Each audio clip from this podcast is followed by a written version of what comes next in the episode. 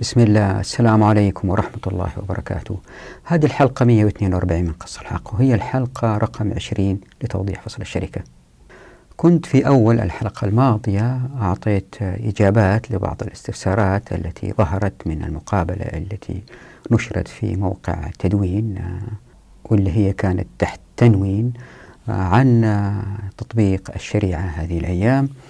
وأجبت على عدة استفسارات بس نسيت أني أجيب على مسألة. كثير ناس سألوا قالوا يا جميل أنت بتقول أنه الحاكم ما يعطي الناس اللي يشتغلوا مع أموال. يعني ما في دولة في موظفين برواتب بمعاشات شهرية.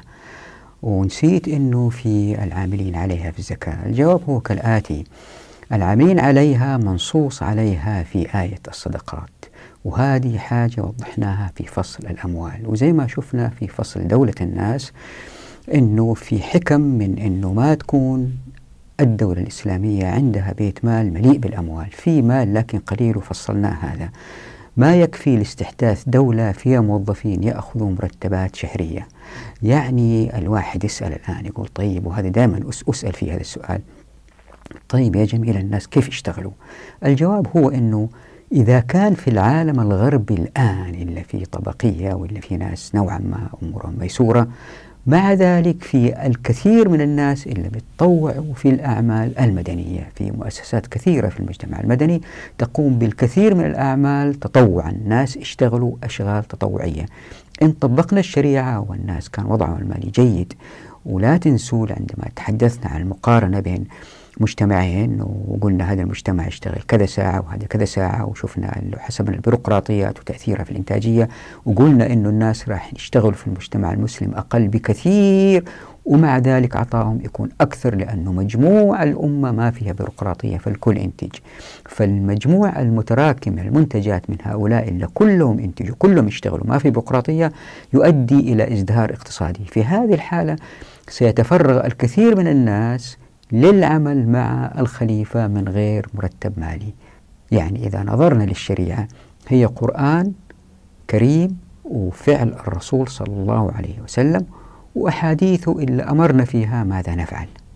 هذا الهدي كله ما في حاجة منصوص فيها أنه في رواتب أو معاشات لموظفي الدولة. الربح من العمل يمكن هو أهم دافع للناس حتى يثابروا ويشتغلوا. معظم الناس آه، يقدروا مجهودهم ويندفعوا بقدر ما يكسبوا ندرة هم إلا هم ما اهتموا بالمقدار الزايد في الربح يعني ويقبلوا بعمل شاق بدخل أقل هذا نادر لكن الوضع الطبيعي أنه في غريزة عند الناس يبغوا يكسبوا إذا يشتغلوا أكثر الآن هذه هذه المسألة أدت إلى ماذا؟ هناك فكرة ما نعرف كيف صارت البشرية وجدتها هي شيطانية ألا وهي الآتي. أن المجتمع إن طبق الديمقراطية والرأسمالية ينقسم إلى ثلاث جماعات. جماعة اللي هي متنفذة تحكم محتكرة أصحاب الشركات أصحاب الأسهم اللي يشتغلوا في الدولة. هؤلاء متنفذين ويعملوا قليل وزي ما شفنا في سخرية متكئين وإنتاجهم قليل. وهؤلاء جاهزين أنهم يذهبوا للهو يمضوا جزء جيد من حياتهم في اللهو والاستمتاع. مجموعة ثانية اللي تشتغل لهؤلاء اللي هم موظفين في الشركات أو موظفين صغار في الدولة بس معظمهم في القطاع الخاص مجلودين جلد زي ما قلت تكرارا ومرارا إنهم تعبانين ومنهكين. المجموعة الثالثة اللي هم شغالين لأنفسهم في شركات صغيرة في قطاعات صغيرة. هؤلاء لهم مصالح مع رجال الأعمال ومع الدولة. الآن الوصفة جاهزة أنه الكل يسكت على المنكر إذا كان ظهر. ليه؟ لأنه إذا كان الناس الأضعف اللي هم شغالين في طبقات الدنيا ولا في الأشغال الصغيرة ينكروا على الناس اللي فوق في احتمال لأنه المجتمع أكثر وأكثر موظفين أما في شركات صغيرة أو أكبر أو دولة هؤلاء الموظفين إذا أنكروا المنكر يمكن ينفصلوا من العمل. بالتالي في تربة خصبة لانتشار المنكر. وبالذات إذا كان واحد ماشي في الطريق وشاف واحد من اللي هم نايمين في الشارع هوملس يخاف جدا أنه في يوم من الأيام يصل إلى هذا الوضع فيجتهد طول حياته لإنقاذ نفسه لأنه ما في تكافل اجتماعي جيد في المجتمع. لإنقاذ نفسه فإلا بيصير أنه ما يسأل في المال اللي حصل عليه في الغالب هو حلال ولا حرام. حتى لو كان يعني أنا ما أقصد يشتغل في المخدرات لا. يعني بيشتغل في شركات الشركات هذه أعمالها فيها نوع من التدليس واللف والدوران للمزيد من الربح. ناهيكم عن أنه يكون هو شغال في شركات تنتج أشياء ترفيهية للمجتمع حتى لو كان هذا على حساب زيادة الفقراء في المجتمع. وهنا في مسألة أبغى أثيرها أنه في الحلقة الماضية اللي هي تحدثت فيها عن الرد على الناس اللي استفسروا عن تلك الحلقة التي نشرت في تنوين. في بعض الناس قالوا والله ترى في العالم الغربي ما في فقراء يا جميل أنت إيش بتقول؟ آه الإحصائيات في العالم الغربي تقول أنه الفقر منتشر لكن لا نراه. انظروا إلى جداول الديون التي على الناس في تلك الدول. ديون لشراء سيارة ديون لشراء منزل ديون للتعليم ديون شخصية لتغطية المصائب اللي تصيبهم زي دخول مستشفى زي اللي يكون. هذه الديون في دراسات تقول أنه 90% من الشعب الأمريكي مديون وفي دراسات تقول 75% من الأفراد في العالم الغربي عندهم بطاقتين ائتمان على الأقل كل واحدة تحمل 5000 دولار. فهؤلاء الأفراد لابسين ومتشيكين لكن هم مستعبدين. يعني هم يلبسوهم يأكلوهم كويس حتى يشتغلوا كويس زي ما كان في عصر النبلاء الإقطاعيين في العصور الوسطى. الإقطاعي عنده قصر كبير عنده خدم عنده حشم هؤلاء كلهم لابسين كويس وشاربين كويس والإقطاع يهتم فيهم إذا واحد مرض حتى لا يموت لأنه لا يريد أن يفقد يد عاملة. فهذا وضع استعبادي في الإقطاع هو نفسه الآن موجود بس بدل ما في نبيل في شركات وفي دولة. يعني الوضع الأمثل هو لانتشار الرذيلة والفساد. بينما في الإسلام هو العكس. ليه؟ لأنه ما في الطبقية هذه وفي نوع من التساوي في الحقوق عند الناس في الموارد والموافقات والمعرفة. فاللي صار لأنه الناس اشتغلوا لأنفسهم وليسوا أجراء عند الآخرين فهم أحرار. ولأنه الجميع حر إلى درجة كبيرة في قول الحق وإنكار المنكر لأن المساجد أيضا متحررة من تسلط الدول ولأن الأئمة والعلماء متحررين من تسلط الدول. تظهر وتسمو في المجتمع القيم الخيرة بين الناس وبالتالي المنكر يدحض في مكانه. يعني الشريعة من خلال ومن أهم هذه الأدوات الشركة وطريقة ربح الناس في الشركة تؤدي إلى استحداث مجتمعات منتجة في نفس الوقت ما فيها هذا التسلسل الهرمي الذي يكبت الناس من قول الحق. يعني تأتي النظم الاقتصادية التي تنبثق من مقصود الحقوق إلى إيجاد بيئة خصبة تربة خصبة حتى بذرة الفساد ما تنتشر. ولأن الشركات من أهم العناصر الاقتصادية في المجتمع دراستها من حيث ربح وخسارة مهم جدا لموضوعنا حتى تشوفوا كيف أن المجتمع المسلم دائما يكون مجتمع مزدهر اقتصاديا من غير فساد أخلاقي. زائد أنه لن يؤدي لتلويث الكرة الأرضية ورح نثبتها تحدثنا عنها سابقا ونثبت أيضا من خلال الضروريات والكماليات والحاجيات التي توجد في الأسواق. والآن لإعطاء فكرة عن هذه الحلقة.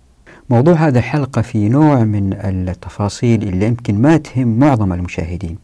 رح أبدأ إن شاء الله بتوضيح أهمية الربح كدافع للعمل. إذا الواحد يقارن الإسلام بالأنظمة الوضعية الأخرى يلاحظ أنه مع تطبيق الشريعة الناس ما ينقهروا يعني ما في قهر للإنسان. في الأنظمة الأخرى الإنسان يقهر بأنه كل ما زاد ربحه بتزيد عليه الضرائب. مسألة القهر هذه مسألة مهمة ولم تأخذ حقها من الأبحاث اللي شوية اقتصاديين متأخرين تحدثوا عن إيجاد معادلات متى الإنسان يعزف عن الاستثمار إذا كان الضرائب ارتفعت إلى مقدار معين. وهذا أعتقد غطيته في فصل الفصل الوصل وسيأتي إن شاء الله توضيحها. فرح أبين أن الشريعة فيها ثلاثة خصال قد لا توجد في جميع الأنظمة الاقتصادية البشرية. طبعا هذه الخصال عن الربح والخسارة. الخسرة الأولى أنه الشخص مهما كسب مهما ربح شخص أو جماعة أو شركة لا يحق لأحد أنه يفرض عليهم ضرائب. وهذه مكوس وتحدثنا عنها سابقا. فقط الزكاة ومقدارها قليل وحتى هذا المقدار القليل زي ما راح نشوف إن شاء الله بعد حلقتين أو ثلاثة يمكن يؤدي المزيد من العطاء. الخصلة الثانية أنه الخسارة دائما على رأس المال. يعني إذا اثنين اشتركوا واحد بعمله وواحد برأس ماله ووقعت خسارة اللي عمل وما عنده رأس مال ما يخسر شيء غير مجهوده. الخصلة الثالثة أنه في توزيع الربح لا يجوز أن يحدد لأحدهم مقدار معين. يعني لا يخصص لأحد الشركاء مثلا مبلغ عشرة دراهم ألف دولار. طبعا هذا بالإضافة إلى نصيبه المشاع من الربح. بل الربح دائما بمقدار مشاع الثلث أو الربع أو النص وراح أوضح إن شاء الله أن كل هذه الثلاث الخصال تؤدي لزيادة الكفاءة والمثابرة في الإنتاج. طبعا هذه الخصال الثلاثة معروفة للجميع. السؤال لماذا أعرضها في هذه الحلقة وأناقشها؟ الجواب هو حتى أبين أثرها في العدالة والكفاءة. طبعا شرح هذه الخصال يكون مصحوب بنصوص من فقهاء السلف رضوان الله عليهم. بعد كده نستعرض الاختلافات بين الفقهاء في طريقة توزيع الربح أو الخسارة بين الشركاء وتأثير الخلاف في الكفاءة والعدالة.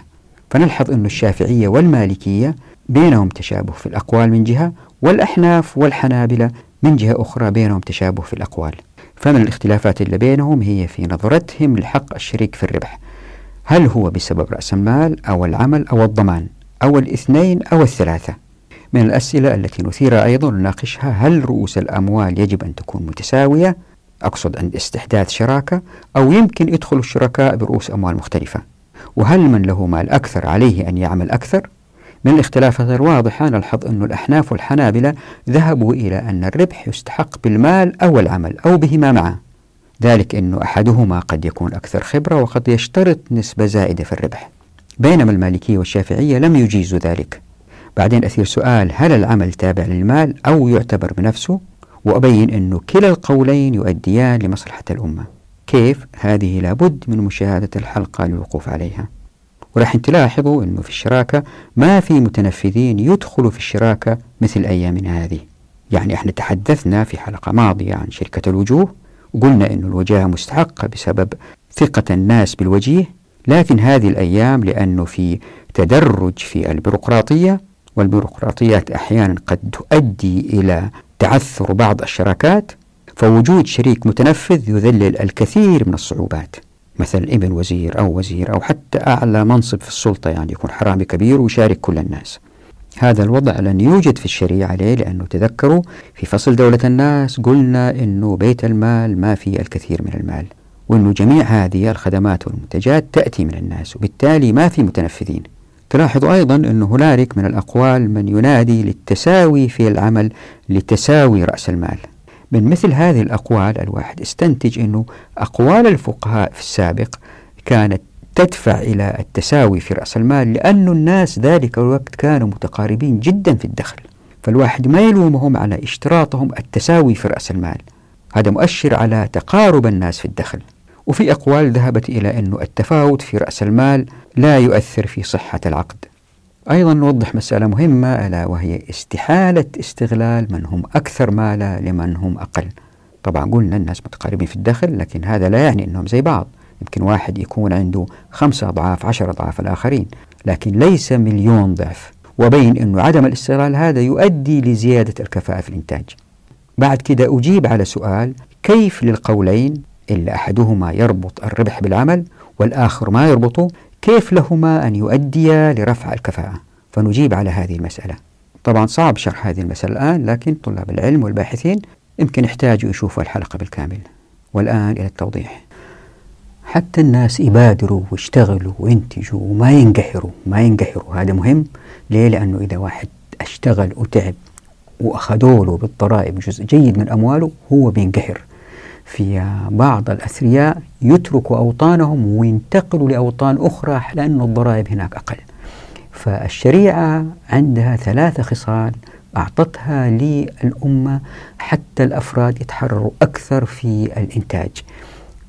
أول هذه الخصال هي أنه ما على الناس اللي يشتغلوا ويكسبوا سواء أفراد أو مع بعض كجماعة في شركة ما عليهم ضرائب أبدا غير الزكاة. والزكاة أيضا زي ما رح نشوف إن شاء الله بعد حلقتين أو ثلاثة ما أدري تؤدي إلى المزيد من الازدهار في الاقتصاد. فالخصلة الأولى ما في أبدا ضرائب على الإنسان مهما كسب. الخصلة الثانية هي أنه لا خسارة على الإنسان إلا ما عنده رأس مال. إذا اجتمعوا جماعة واشتركوا الخسارة ومشروعهم خسر الخسارة على رأس المال. الإنسان اللي اشتغل وتعب يخسر مجهوده لكن ما يتحمل خسارة مالية لأنه ما شارك برأس مال أو ما عنده رأس مال. وهذا يؤدي إلى أنه هذا الشخص اللي بيشتغل في أموال غيره أو في مصنع غيره هو شريك بخبرته أو بهمته يؤدي إلى أنه هذا الشخص يخاطر أكثر وأكثر ويجتهد أكثر وأكثر للكسب أكثر وأكثر. ليه؟ لأنه هو ما راح يكون مديون إذا الشركة خسرت.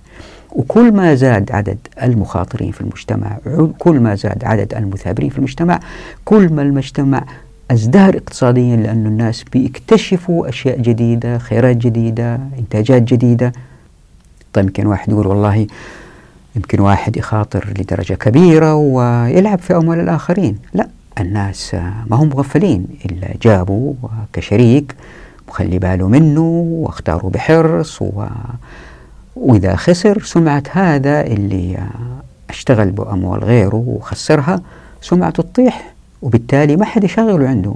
لا تنسوا هذه مسألة ما أثرناها أبدا أن المجتمع بهذه التركيبة التي توجدها مقصوصة الحقوق مرة تحدثنا عن الخطط المكانية والولائية والإنتاجية. في الخطط الإنتاجية الأخبار تنتشر بسرعة بين الناس ويعرفوا أنه هذا شخص لعاب وخسر مرة ومرتين ولا يوثق فيه وبالتالي هذا في الغالب يشتغل كمأجور في بعض الأعمال البسيطة. لكن الأعمال الريادية الأعمال اللي فيها إنتاجات بمنتجات بكميات كبيرة. هذه تحتاج ناس أفذاذ ويفضلوا رجال الأعمال. المفروض أنا ما أقول رجال أعمال لأنه طبقنا الشريعة ما في رجال أعمال. في ناس عندهم فائض مالي أكثر وناس عندهم مال أقل يجتمعوا مع بعض زي راح راح نناقش في هذه الحلقة كيف يتم الربح إن شاء الله. لكن المهم الآن هو أنه لأنه ما في خسارة إلا على رأس المال هذا يؤدي إلى أن الناس ما يخافوا ويخاطروا ويشتغلوا. واللي عنده رأس مال زي ما هو معروف. إذا ما أشتغل وخاطر الزكاة تأكل رأس ماله. لكن أنا بستخدم كلمة مخاطرة هنا لأنه وهذا احتمال نادر. الوضع الطبيعي هو أنه في أغلب الأعمال تذكروا قلنا في شركة آه، همم ومقاولات واغتنام. في أغلب الأحوال الشركات أكثرها مقاولة وهمم وبالتالي احتمال الخسارة شبه معدوم. فالآن عندنا خصلتين الخصلة الأولى أنه ما في ضرائب أبدا غير الزكاة. الخصلة الثانية أنه الخسارة على رأس المال. لإثبات هذه المسألة خلينا نقرأ النص الآتي من ابن قدامة اللي بيقول والوضيعة على قدر المال. يعني الخسران في الشركة على كل واحد منهما بقدر ماله. فإن كان مالهما متساويا في القدر فالخسران بينهما نصفين.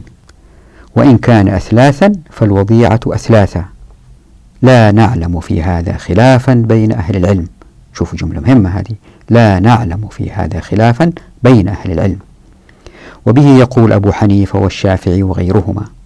وفي شركة الوجوه تكون الوضيعة على قدر ملكيهما في المشترى. سواء كان الربح بينهما كذلك أو لم يكن. وسواء كانت الوضيعة لتلف أو نقصان في الثمن عما اشتريا به. أو غير ذلك. والوضيعة في المضاربة على المال خاصة. ليس على العامل منها شيء. شوفوا الجملة هذه كيف. ليس على العامل منها شيء.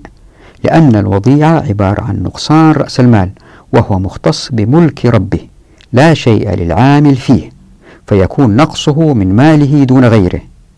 إنما يشتركان فيما يحصل من النماء يعني في الربح. فأشبه المساقاة والمزارعة. هنا بيسوي قياس. فإن رب الأرض ولا شجر يشارك العامل فيما يحدث من الزرع والثمر.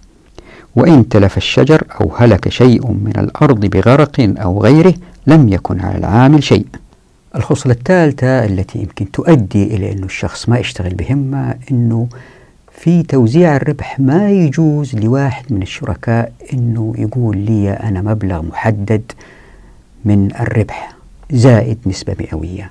هذا لا يجوز في قول السلف أبدا. لكن بعض المتأخرين قالوا يجوز. وهنا في رد رائع للدكتور رفيق يونس المصري وضعته هنا في الشاشة في ثلاثة لوح. أضعه وأنتم أقرأوه وأنا آه، أشرح. فزي ما هو معروف أنه فقهاء السلف ذهبوا إلى أنه الربح مشاع دائما حسب ما اتفقوا عليه كالثلث أو النصف أو الربع. ليه؟ لأنه إذا خصص لأحد الشركاء مبلغ محدد قد يتوانى عن المثابرة في أداء العمل كما قال جمهور أهل العلم لأن المال مضمون وبغض النظر عن الربح. وعلى هذا إن دفع فرد مالا لآخر مقابل ربح مضمون دون تحمل الخسارة لم يجوز لأن المخاطرة شرط في دفع المال في المشاركة. يعني تحديد مبلغ كربح يقلب علاقة الشراكة إلى قرض بفائدة وهذا هو الربا المنهي عنه.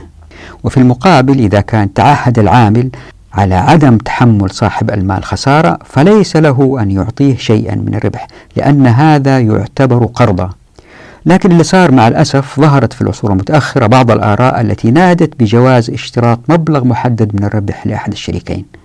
مثلا يقول له إذا زاد الربح عن عشرين ألف فأنت لك من هذه الزيادة ألفين ثلاثة. وبالتالي بعض البنوك أظهرت رغبتها في تطبيق هذا الجواز. وزي ما هو معروف فإن سند الإجماع على عدم جواز اشتراط مبلغ محدد لأحد الشريكين هو نص أحاديث المزارعة. وتعليل ذلك هو أنه قد لا يزيد الربح عن المبلغ المحدد لأحد الشريكين فيستأثر بالربح كله فتنقطع الشراكة. ونوه هنا أن الباحثين اللي ذهبوا لجواز ذلك الدكتور الصديق الضرير والدكتور غريب الجمال. لكن الدكتور رفيق مؤنس المصري جزا الله خير زي ما أنتم شايفين هنا ضحد ما ذهبوا إليه. هذه الخصال الثلاثة ألا وهي أنه ما في ضرائب أبدا على الربح وأنه الشريك الذي لا رأس مال له ما يخسر إلا مجهوده وأنه لا يحق لأي شريك أن يشترط مبلغ معين من الربح. هذه الخصال الثلاثة هي ما اتفق عليها عموم الفقهاء وهي بالتأكيد مما يدفع الأفراد للمثابرة والإنتاج. واللي راح يأتي في باقي هذه الحلقة هو توضيح الاختلافات بين الفقهاء في الربح والخسارة كيف يقسم وتأثيرها في كل من الكفاءة والعدالة.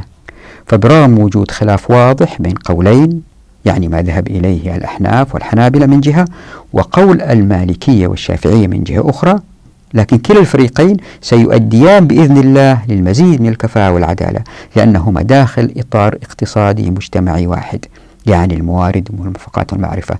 وهذه اللي نحاول إن شاء الله نثبتها. وزي ما أنتم عارفين وبالذات طلاب العلم أنه هذه الخصال الثلاثة معروفة لكل الباحثين تقريبا. طب أنا بعرضها ليش؟ بعرضها عشان نقرأ بعض هذه النصوص ونرى كيف أنها تؤدي للمزيد من الكفاءة. فمثلا جاء في المجموع بأن من شروط الشركة أن يكون الربح جزءا شائعا في الجملة فإن عينه أحدهم بعشرة أو نحوه أو جعل من نصيبه شيئا معينا بطلت الشركة. لأن العقد يقتضي تحقيق الشركة في الربح والتعيين يقطع الشركة لجواز ألا يحصل من الربح أو الأجر إلا القدر المعين لأحدهم. فلا تتحقق الشركة في الربح وأن تكون الوضيعة أي الخسران بقدر حصة كل شريك في الأصل. يعني اللي بحاول أسويه الآن أني أثبت أنه ما ذهب إليه المتأخرين غير صحيح بنصوص من سبق زائد نرى كيف الكفاءة. خلينا نقرأ النص الآتي أيضا من المغني اللي هو لابن قدامة. قال الأثرم سمعت أبا عبد الله يقول لا بأس بالثوب يدفع بالثلث والربع. وسئل عن الرجل يعطي الثوب بالثلث ودرهم ودرهمين. قال أكرهه لأن هذا شيء لا يعرف. والثلث إذا لم يكن معه شيء راه جائزا. لحديث جابر أن النبي صلى الله عليه وسلم أعطى خيبر على الشطر يعني النص. قيل لأبي عبد الله فإن كان النساج لا يرضى حتى يزاد على الثلث درهما. قال فليجعل له ثلثا وعشري ثلث ونصف عشر وما شابه. وروى الأثرم عن ابن سيرين والنخعي وأيوب ويعلى من حكيم أنهم أجازوا ذلك. وقال ابن المنذر كره هذا كله الحسن. وقال أبو ثور وأصحاب الرأي هذا كله فاسد. واختاره ابن المنذر وابن عقيل. طيب السؤال هنا لماذا اختلفوا الفقهاء في هذه المسائل وكانوا على فريقين؟ يعني المالكية والشافعية من جهة والأحناف والحنابلة من جهة أخرى. الجواب هو في الآتي هو نظرتهم لحق الشريك في الربح. هل هو بسبب رأس المال أو العمل أو الضمان أو بإثنين منهم أو ثلاثة منهم؟ وابن رشد أثابه الله لخص هذه الاختلافات في كتابه بداية المجتهد بالقول.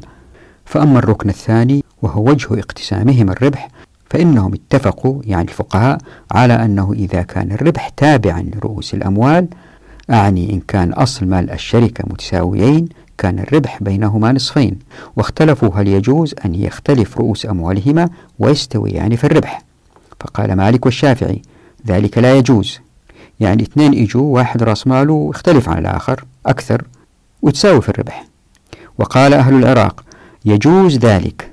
وعمدة من منع ذلك أن تشبيه الربح بالخسران. فكما أنه لو اشترط أحدهما جزءا من الخسران لم يجز. كذلك إذا اشترط جزءا من الربح خارجا عن ماله. وربما شبهوا الربح بمنفعة العقار الذي بين الشريكين. أعني أن المنفعة بينهما تكون على نسبة أصل الشركة. وعمدة أهل العراق تشبيه الشركة بالقراض. وذلك أنه لما جاز في القراض أن يكون للعامل من الربح ما اصطلح عليه والعامل ليس يجعل مقابله إلا عملا فقط كان في الشركة أحرى أن يجعل للعمل جزء من المال إذا كانت الشركة مالا من كل واحد منهما وعملا. فيكون ذلك الجزء من الربح مقابلا لفضل عمله على عمل صاحبه. فإن الناس يتفاوتون في العمل كما يتفاوتون في غير ذلك. وأما الركن الثالث والذي هو العمل فإنه تابع كما قلنا عند مالك للمال فلا يعتبر بنفسه. وهو عند أبي حنيفة يعتبر مع المال. وأظن أن من العلماء من لا يجيز الشركة إلا أن يكون ملاهما متساويين التفاتا إلى العمل فإنهم يرون أن العمل في الغالب مستو. فإذا لم يكن المال بينهما على التساوي كان هنالك غبن على أحدهما في العمل. ولهذا قال ابن المنذر أجمع العلماء على جواز الشركة التي يخرج فيها كل واحد من الشريكين مالا مثل مال صاحبه من نوعه.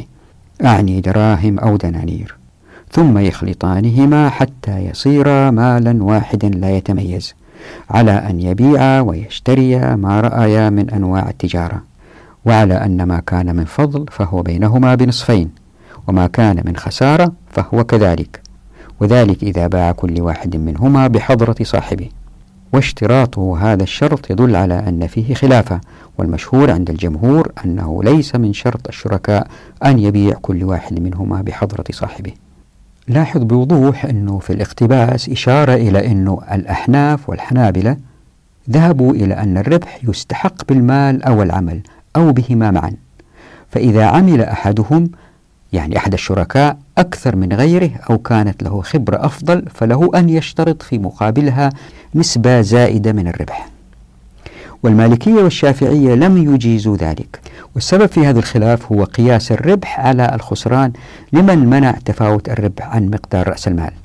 فالربح وكأنه منفعة فهو إذا كالخسارة يتبع رأس المال أي أن من أجاز التفاوت في الربح قاس الشراكات بأنواعها على شركة القراض. يعني شركة المضاربة. ليه؟ لأنه للعامل ربح مقابل عمله كما في القراض ليه؟ لأنه بالتأكيد الناس يتفاوتوا في الخبرة والهمة والعمل. وعلى هذا اللي يشتغل أكثر وكان أكثر تميز فله أن يشترط نصيب أكبر من الربح. يعني الاختلاف الجذري في الربح في الشراكة بين الفقهاء هو في اعتبار العمل. هل العمل تابع للمال أم يعتبر بنفسه؟ فهو عند مالك والشافعي تابع للمال. وعند أبي حنيفة وأحمد يعتبر بنفسه إن تم الاتفاق بين الشركاء على ذلك. لهذا ظهر خلاف فقهي واضح.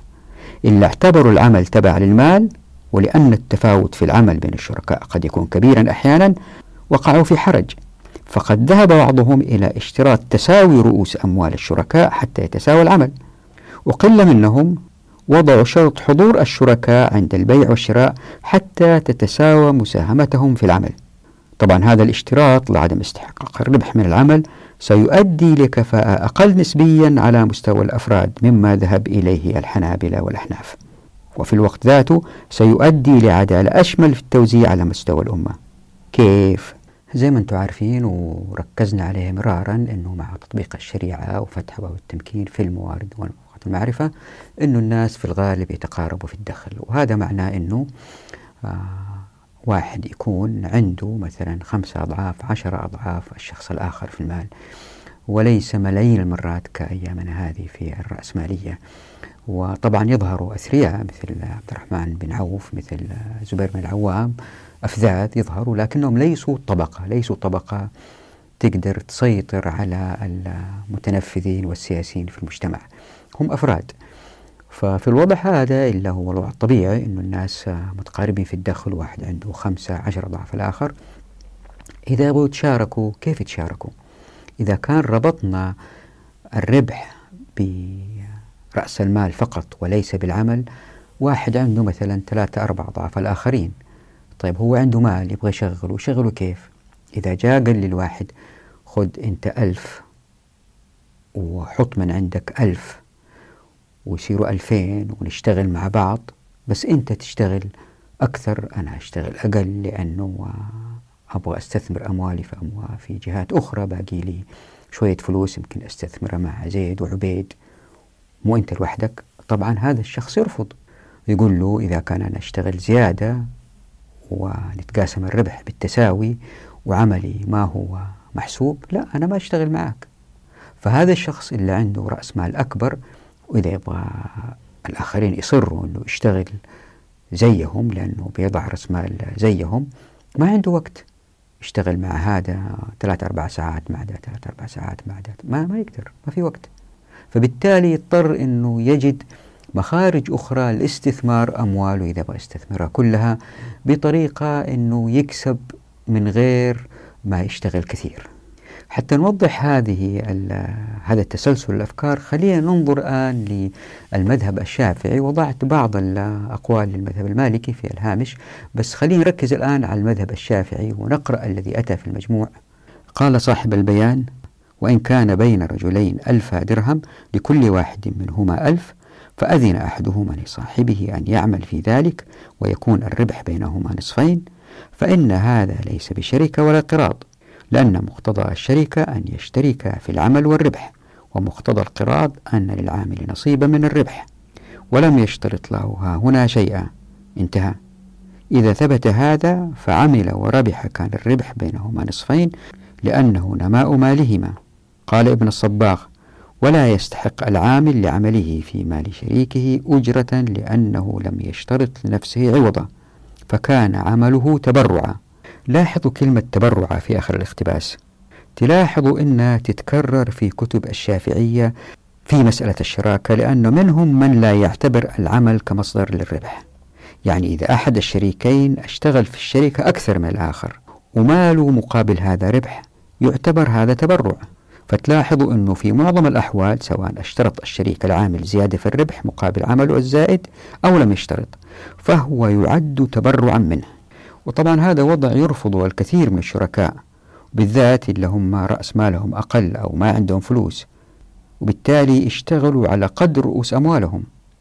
طب يمكن واحد يقول بس في من الناس من يضطر للعمل ليه؟ لأنه الشريك الآخر يمكن يكون وجيه أو لأي سبب آخر.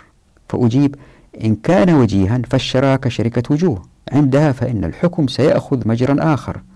وهذا يأتي توضيح إن شاء الله. لاحظوا أنه هم في مجتمع يطبق الشريعة وما في ناس متنفذين.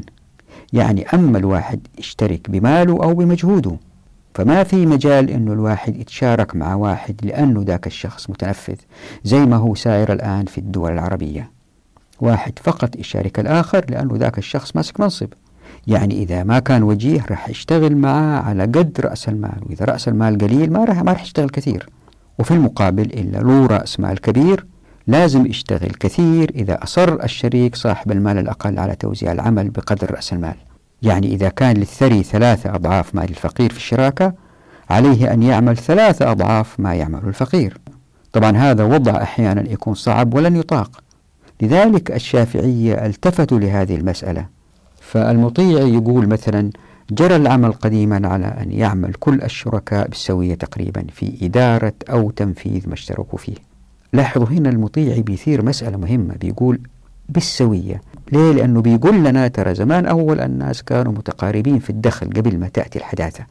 نكمل. ولذلك كان الرأي الفقهي الغالب أن يقتسم الشركاء الربح بقدر حصة الواحد منهم في رأس المال وباعتبار المقاصة بالعمل المتساوي. وهذا الشرط أنه يكون الربح تبع لرأس المال دفع بعض الفقهاء للذهاب لضرورة تساوي رأس المال حتى يتساوى العمل بين الشركاء. لأنه هو السمة الغالبة بينهم في أيامهم. كل واحد يشتغل قد الثاني.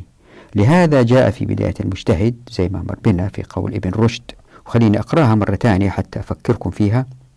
يقول وأظن أن من العلماء من لا يجيز الشركة إلا أن يكون مالهما متساويين التفاتا إلى العمل فإنهم يرون أن العمل في الغالب مستو. فإذا لم يكن المال بينهما على التساوي كان هنالك غبن على أحدهما في العمل. ولهذا قال ابن المنذر أجمع العلماء على جواز الشركة التي يخرج فيها كل واحد من الشريكين مالا مثل مال صاحبه من نوعه. لهذا بالتالي ظهر سؤال فقهي هل تصح الشراكة في تفاضل المالين في القدر؟ باستثناء بعض أصحاب الشافعي فإن قول عامة أهل العلم أنها تصح. فمثلا جاء في المغنية التوضيح الآتي ولا يشترط تساوي المالين في القدر. وبه قال الحسن والشعبي والنخعي والشافعي وإسحاق وأصحاب الرأي. وقال بعض أصحاب الشافعي يشترط ذلك.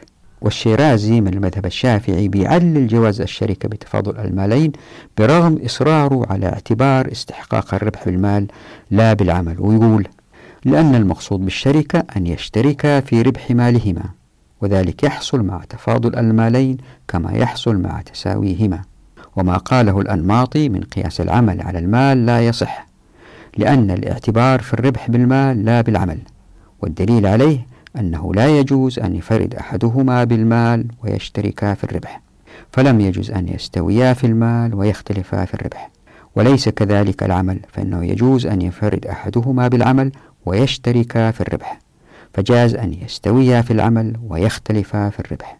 لاحظوا أنه في نوع من التذبذب في أقوال من ذهبوا لعدم استحقاق العمل للربح فلم يشترط بعض الشافعية ضرورة تساوي رؤوس الأموال كما في الاقتباس اللي في الشاشة بينما اشترط البعض الآخر ذلك. لكن منطقيا إذا لم يكن رأس المال متساوي فلن يكون العمل أيضا متساوي. واحد يمكن يشتغل أكثر من الآخر بالتالي تكون الزيادة في العمل أكثر من رأس المال. وهذا وضع قد يتطلب العمل أحيانا. عندها فإن من عمل زيادة عن رأس ماله عمله في هذه الحالة يعتبر تبرع منه وإلا فسد العقد إن طالب بالربح مقابل عمله. لاحظوا اللي في الشاشة هنا المجموع خلينا نقرأ لإثبات هذه المسألة. ولا يشترط التساوي في رأس المال ولا في العمل على المعتمد.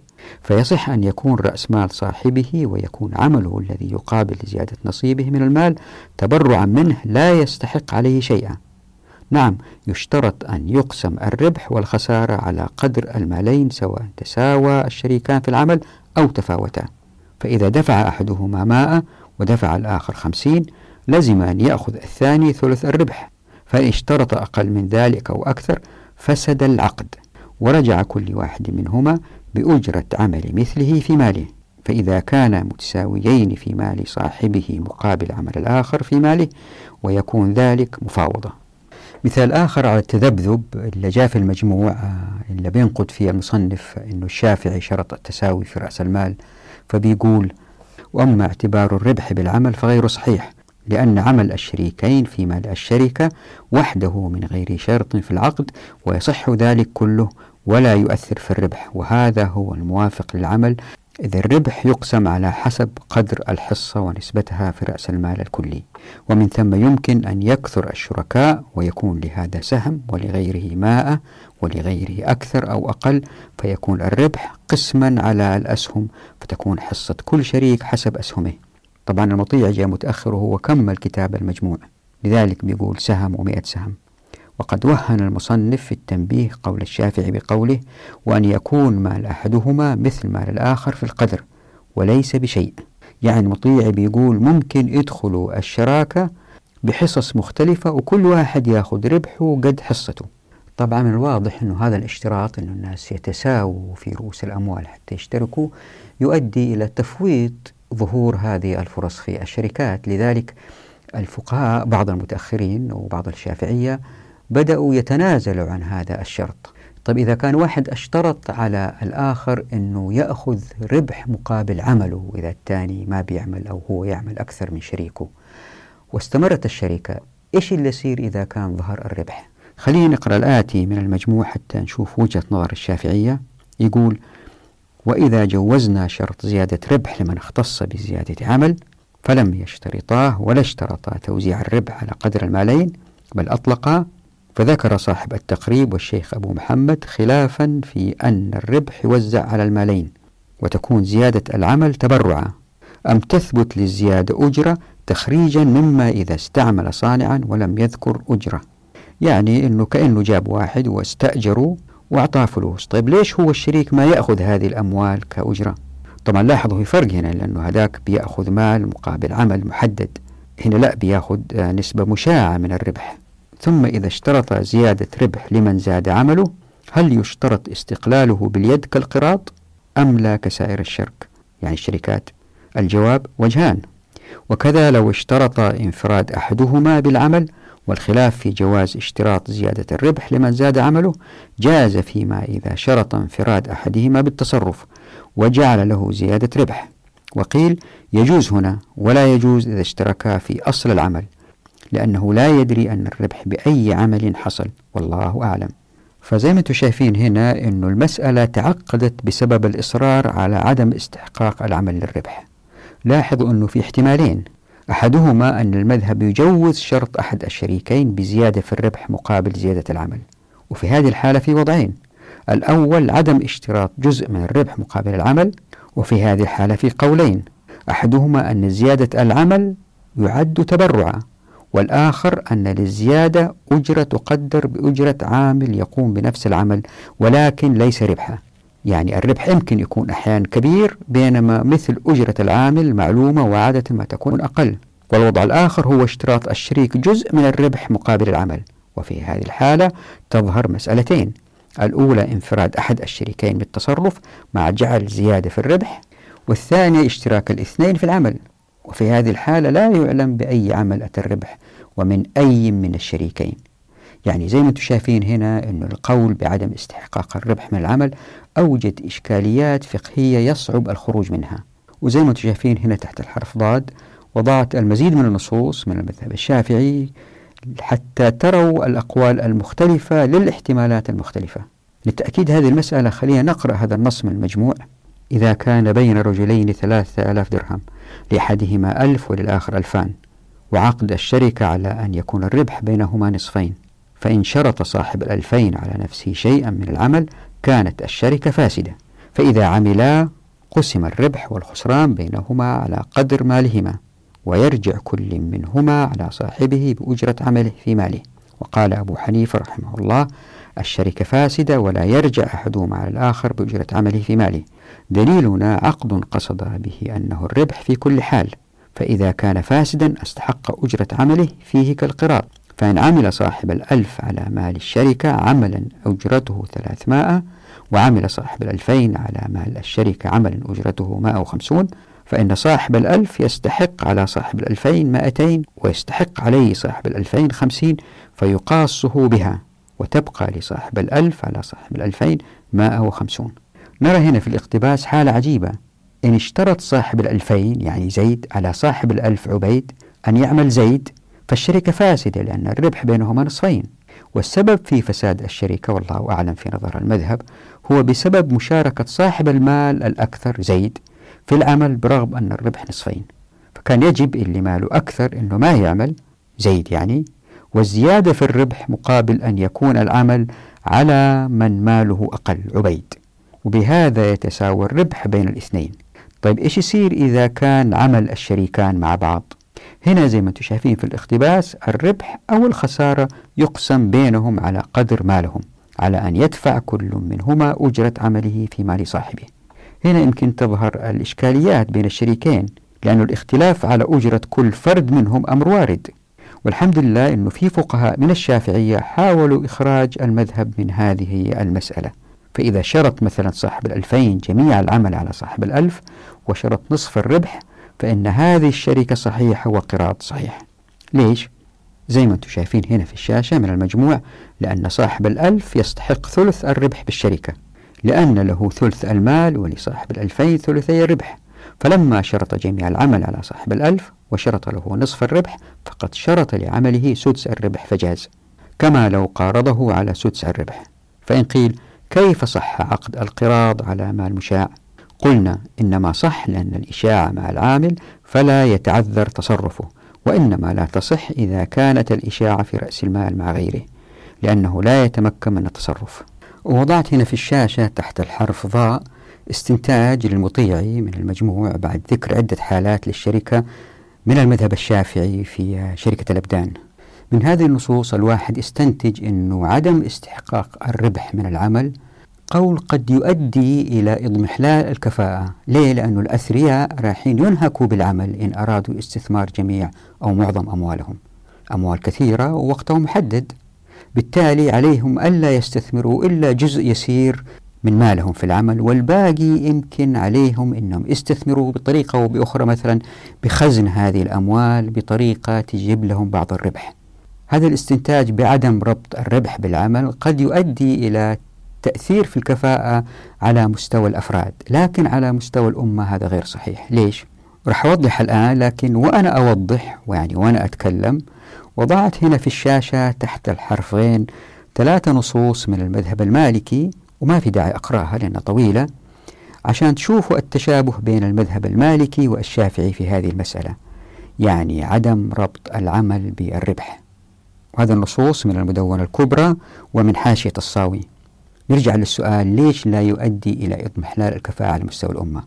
طبعا أكيد متذكرين أني كنت دائما أقول أنه مهما اختلفت آراء الفقهاء فهي داخل بوتقة واحدة فلطالما كانت داخل مقصوصة الحقوق المؤدية للتمكين من خلال الموارد ومنفقة المعرفة فهي اختلافات طفيفة لن تؤثر على التركيبة الاقتصادية الأعم للأمة المسلمة.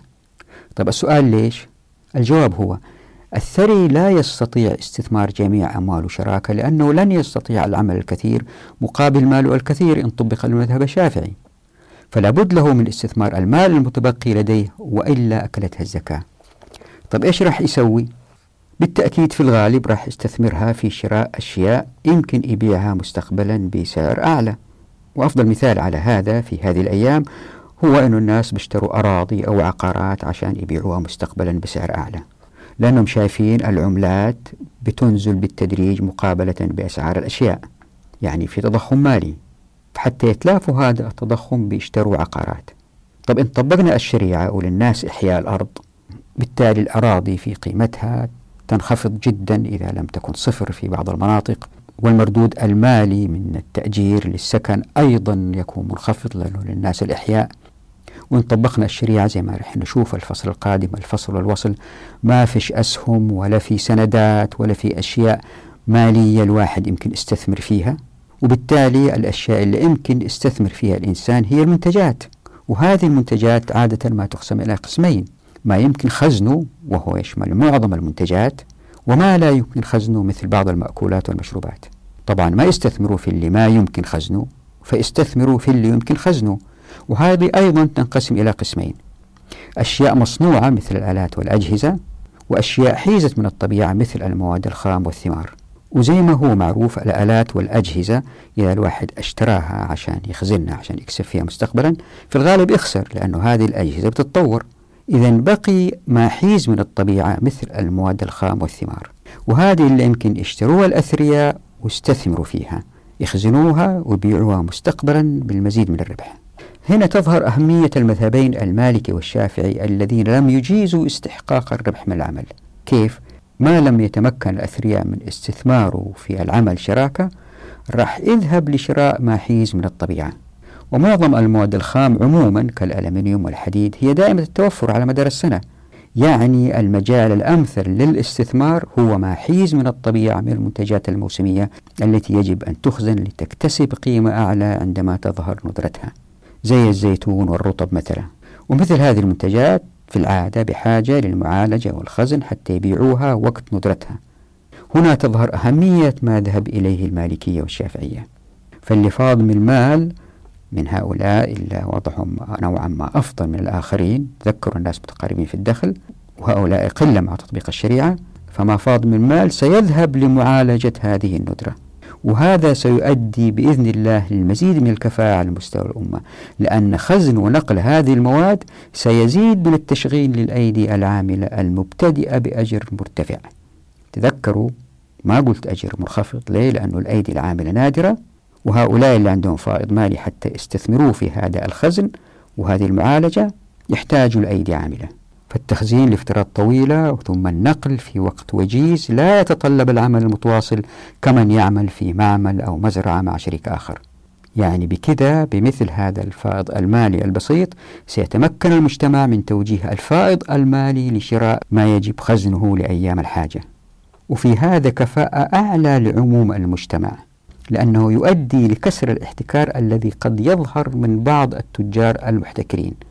فإحنا في الحالة هذه بنزيد عدد المستثمرين في هذا المجال. وبمثل هذا الفائض المالي البسيط عند هؤلاء اللي ما يقدروا يشتغلوا فيه لأنه لازم يشتغلوا مع الشريك لأنه المذهب الشافعي والمالكي لا يربط لا يربط العمل بالربح ولأنه الأثرياء قلة بسبب التمكين الناتج من تطبيق مقصود الحقوق يعني الموارد والموافقة والمعرفة عند التوزيع سيكون أكثر عدلا بسبب كسر الاحتكار المتوقع. شفتوا الشريعة كيف؟ وفي المقابل ما ذهب إليه الحنابلة والأحناف من جواز الربح مقابل العمل سيؤدي لكفاءة أعلى على مستوى الشراكات لأنه يحاول سحب معظم الأموال للشراكات ليزداد الإنتاج. كيف؟ خلينا نركز على المذهب الحنبلي. إلا قالوا فقهاء المذهب الحنبلي ببساطة هو احترام اتفاق الشركاء. فلطالما كان الشركاء داخل الإطار الأكبر للشريعة في قص الحقوق وهذه زي ما شفنا مؤدي للتمكين فشروط هؤلاء اللي داخلين في الشراكة في العادة تعكس ظروفهم الشخصية المحددة ورغباتهم. هذا من جهة. ومن جهة أخرى تعكس استجابة سوق الإنتاج لمقدراتهم ومهاراتهم. يعني كل اتفاق أو شرط بين الشركاء ما هو إلا مؤشر يعكس ندرة كل فرد منهم. وبالتالي مكانته المالية في السوق. وفي هذا رفع الكفاءة لأن الكل يعمل لأنه يعلم مكانته في السوق فلا يطالب بأكثر مما يستحق. وإن طالب فلن يحصل عليه. وبكذا تنتفي ظهور حالات التشاح يعني الخلاف بين الشركاء. وذلك لوضوح الصورة لجميع الشركاء من خلال ما اتفقوا عليه. وبكذا تصفى النفوس حتى تسخر طاقاتها في العمل. والآن أضع في الشاشة نص لابن قدامة وهو نص مهم. وحتى ما نطيل لن أقرأه لكن أناقش كل جزء لوحده. ففي هذا الجزء والذي يبدأ بقول ابن قدامة والربح على ما اصطلح عليه يعني في جميع أقسام الشركة نلاحظ أنه بدأ بمبدأ أساسي مهم ألا وهو احترام ما توصل إليه الشركاء في الربح بالقول والربح على ما اصطلح عليه. وقصده بهذه الجملة جميع أنواع الشراكات يعني شركة الأبدان والمضاربة والوجوه والعنان والمفاوضة. وسبب هذا القبول لاتفاق الشركاء هو إجازتهم يعني الحنابلة لاستحقاق الربح بالعمل. ولأن المضارب عادة ما يستحق الربح بعمله سواء كان العمل قليلا أو كثيرا كالأجرة في الإجارة وكالجزء من الثمرة في المساقاة والمزارعة كذا باقي الشراكات. يعني لأنه لا خلاف بين الفقهاء على احترام اتفاق الشركاء في شركة المضاربة كذا يجب أن تكون باقي الشراكات كما يقول ابن قدامة. وكذا ينتقل النص إلى شركة العنان بالتعليل أنه لأن المضارب له أن يشترط جزءا من الربح مقابل عمله فله أيضا في شركة العنان أن يشترط جزءا من الربح مقابل عمله. وبهذا يجوز أن يجعلا يعني الشريكين الربح على قدر المالين ويجوز أن يتساويا مع تفاضلهما في المال وأن يتفاضلا فيه مع تساويهما في المال. وهذا إلا ذهب إليه أبو حنيفة أيضا. لكن مالك والشافعي لم يقر هذا التفاضل كما وضح ابن قدامة. بعد كده يضع رحمه الله قياسين لما ذهب إليه الحنابلة. الأول هو إن وجد مضاربين يعملان مع رجل واحد وأحدهما أمهر أبصر من الآخر وأقوى على العمل فجاز لهذا الأقوى أن يشترط زيادة في الربح مقابل مهارته وقوته. والقياس الثاني هو أن الشركة معقودة على المال والعمل معا ولكل واحد منهما حصة في الربح إن كان مفردا. فكذلك إن اجتمعا لهذا فإن الربح يستحق بالعمل في شركة العنان إن وجد شرط بين الشركاء. لكن إن لم يكن بين الشركاء شرط فعندها فقد يقدر الربح بقدر رأس المال. والآن أضع لكم الجزء الثاني من الاقتباس وأيضا ما أقرأه بس أعلق عليه. نلحظ هنا أنه حجة ابن قدامة أقوى في حال شركة الأبدان. والسبب هو أن شركة الأبدان عقد شراكة على العمل المجرد ودون أي رأس مال في الغالب. يعني ما في مال يقاس عليه الربح. وبالطبع ولأن الناس يتفاضلوا عادة في مهاراتهم وقواهم وهذا شيء واضح. لهذا لابد من إجازة ما يتفق عليه الشركاء حتى تظهر الشراكات سواء كان ذلك بالمساواة في الربح أو بالتفاضل فيما بينهم. وإلا لن تظهر شراكات الأبدان إلا فيما نذر. وفي عدم هذا الظهور لهذه الشراكات ضرر على الأمة بالتأكيد إنتاجيا. وهذه الشراكة يعني شراكة الأبدان شراكة على العمل المجرد. وهي حجة قوية جدا. بعدين انتقل ابن قدامة لشركة الوجوه ويقرر بأن قياس المذهب الحنبلي هو جواز ما يتفق عليه الشركاء في الربح من مساواة أو تفاضل برغم أن هذه الشراكة مبنية على الضمان والعمل. إذ لا رأس مال في هذا النوع من الشراكة. ولأنه الضمان لا تفاضل فيه في الغالب. ليه؟ لأن التفاضل قد يكون في العمل إن شرط ذلك لكن الضمان لا. خلينا نقول مثلا زيد وعبيد وجدوا من حيث الجاهة كمية كبيرة من البضاعة ليبيعوها مجزأة. خلينا نقول حليب مجفف مثلا. وأنه بيعها قد يتطلب الكثير من العمل قبل أن تنتهي مدة صلاحيتها والكمية كبيرة. هذا يتطلب منهم العمل باستمرار. يمكن 12 ساعة في اليوم لمدة شهر كامل مثلا. وهذا عمل مستقبلي. عندها يمكن أحدهم يشتغل أربع ساعات والثاني يشتغل ثمانية ساعات.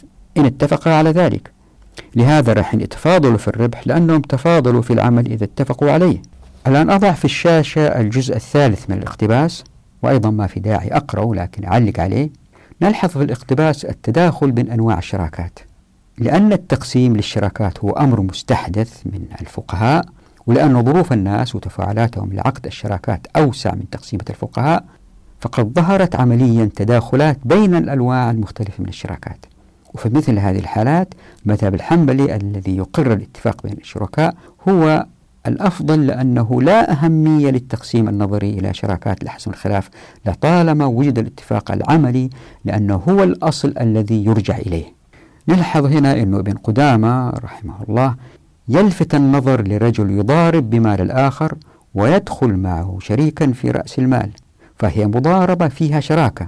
وفي هذه الحالة. أيضا فإن الربح على ما اتفق عليه شريطة أن يزيد الربح عن النصف للشريك العامل حتى لا يظلم الشريك العامل. ليه؟ لأنه مضارب في مال شريكه وعامل في ماله. وإذا اشترط الشريك غير العامل الربح يزيد عن النصف فالشراكة بالتأكيد غير جائزة لأن النصف المشروط لغير العامل لا مقابل له من الربح فبطل شرطه. وفي هذا حد من استغلال الأثرياء لمن هم أقل مالا. هذه نقطة مهمة. في هذا اللي بيقول ابن قدامة تثبيط من استغلال الأثرياء لمن هم أقل مالا منهم.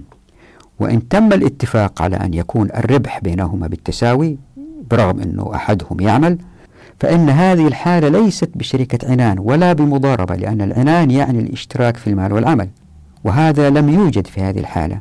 والمضاربة تعني أن للعامل نصيبا من الربح مقابل عمله وهذا لم يوجد أيضا في هذه الحالة. لأن الربح قدر المالين فيكون العمل تبرعا وهذا جائز. وإن أخرج أحدهما مالا وعمل فيه جميعا فإن للعامل في هذه الحالة من الربح ما اتفق عليه لأن العامل مضارب وكأن رب المال لم يعمل معه. وبكذا ابن قدامة يستنتج بعد هذا العرض لهذه الحالات جواز ما اتفق عليه الشركاء من اقتسام الأرباح في جميع أنواع الشراكات ولأنه مسألة عدم استغلال الأثرياء الفقراء مهمة. أضع اقتباس آخر من المغني لتوضيح هذه المسألة. وأيضا ما في داعي أقرأها فقط أوضحها. نلحظ في الاقتباس بأنه اشتراط غير العامل الربح لنفسه دون مقابل عمل لم يجزه ابن قدامة في المضاربة برغم إجازة القاضي له قياسا على شركة العنان. والسبب في عدم إجازة ابن قدامة للربح والله أعلم دون عمل هو أن هذه الشراكة ليست كشركة العنان التي يعمل فيها الشريكان اللذان قد يتفاضلا في المهارة والعمل. بل هي مكونة من شركة وقراض وفي هذا حد لاستغلال الأثرياء لمن هم أقل مالا. وهذا يزيد الكفاءة لأن العمل الإنتاجي سيزداد في المجتمع بسبب سحب المزيد من الأيدي الثرية للمزيد من العمل إن أرادت تلك الأيدي الثرية الربح. طيب يمكن واحد يسأل يقول يعني كيف القولين المختلفين اللي يظهروا مضادين؟ واحد يربط العمل بالربح واحد ما يربطه كيف يؤدوا الاثنين لرفع الكفاءة؟ الإجابة هي كالآتي طالما المذهبين كانا داخل مقصد الحقوق في إطارها العام يعني في الموارد والموافقات والمعرفة رايحين يصلوا لنفس الهدف. كيف؟ أولا القولين ليس متضادين ليه؟ لأن الاختلاف هو في التفصيلة هذه هم متفقين في الإطار الأكبر والأهم وهي الخصال الثلاثة التي ذكرتها في أول هذه الحلقة. واللي هي أن الشريعة لم تفرض على الشركاء ضرائب أبدا. والخصلة الثانية أن الشريك الذي ماله رأس مال ما يخسر إلا مجهوده فالخسارة على رأس المال. والخصلة الثالثة أنه لا يحق لأي شريك أن يشترط مبلغ معين من الربح يعني ماله مبلغ مضمون في الشراكة مهما كانت الظروف.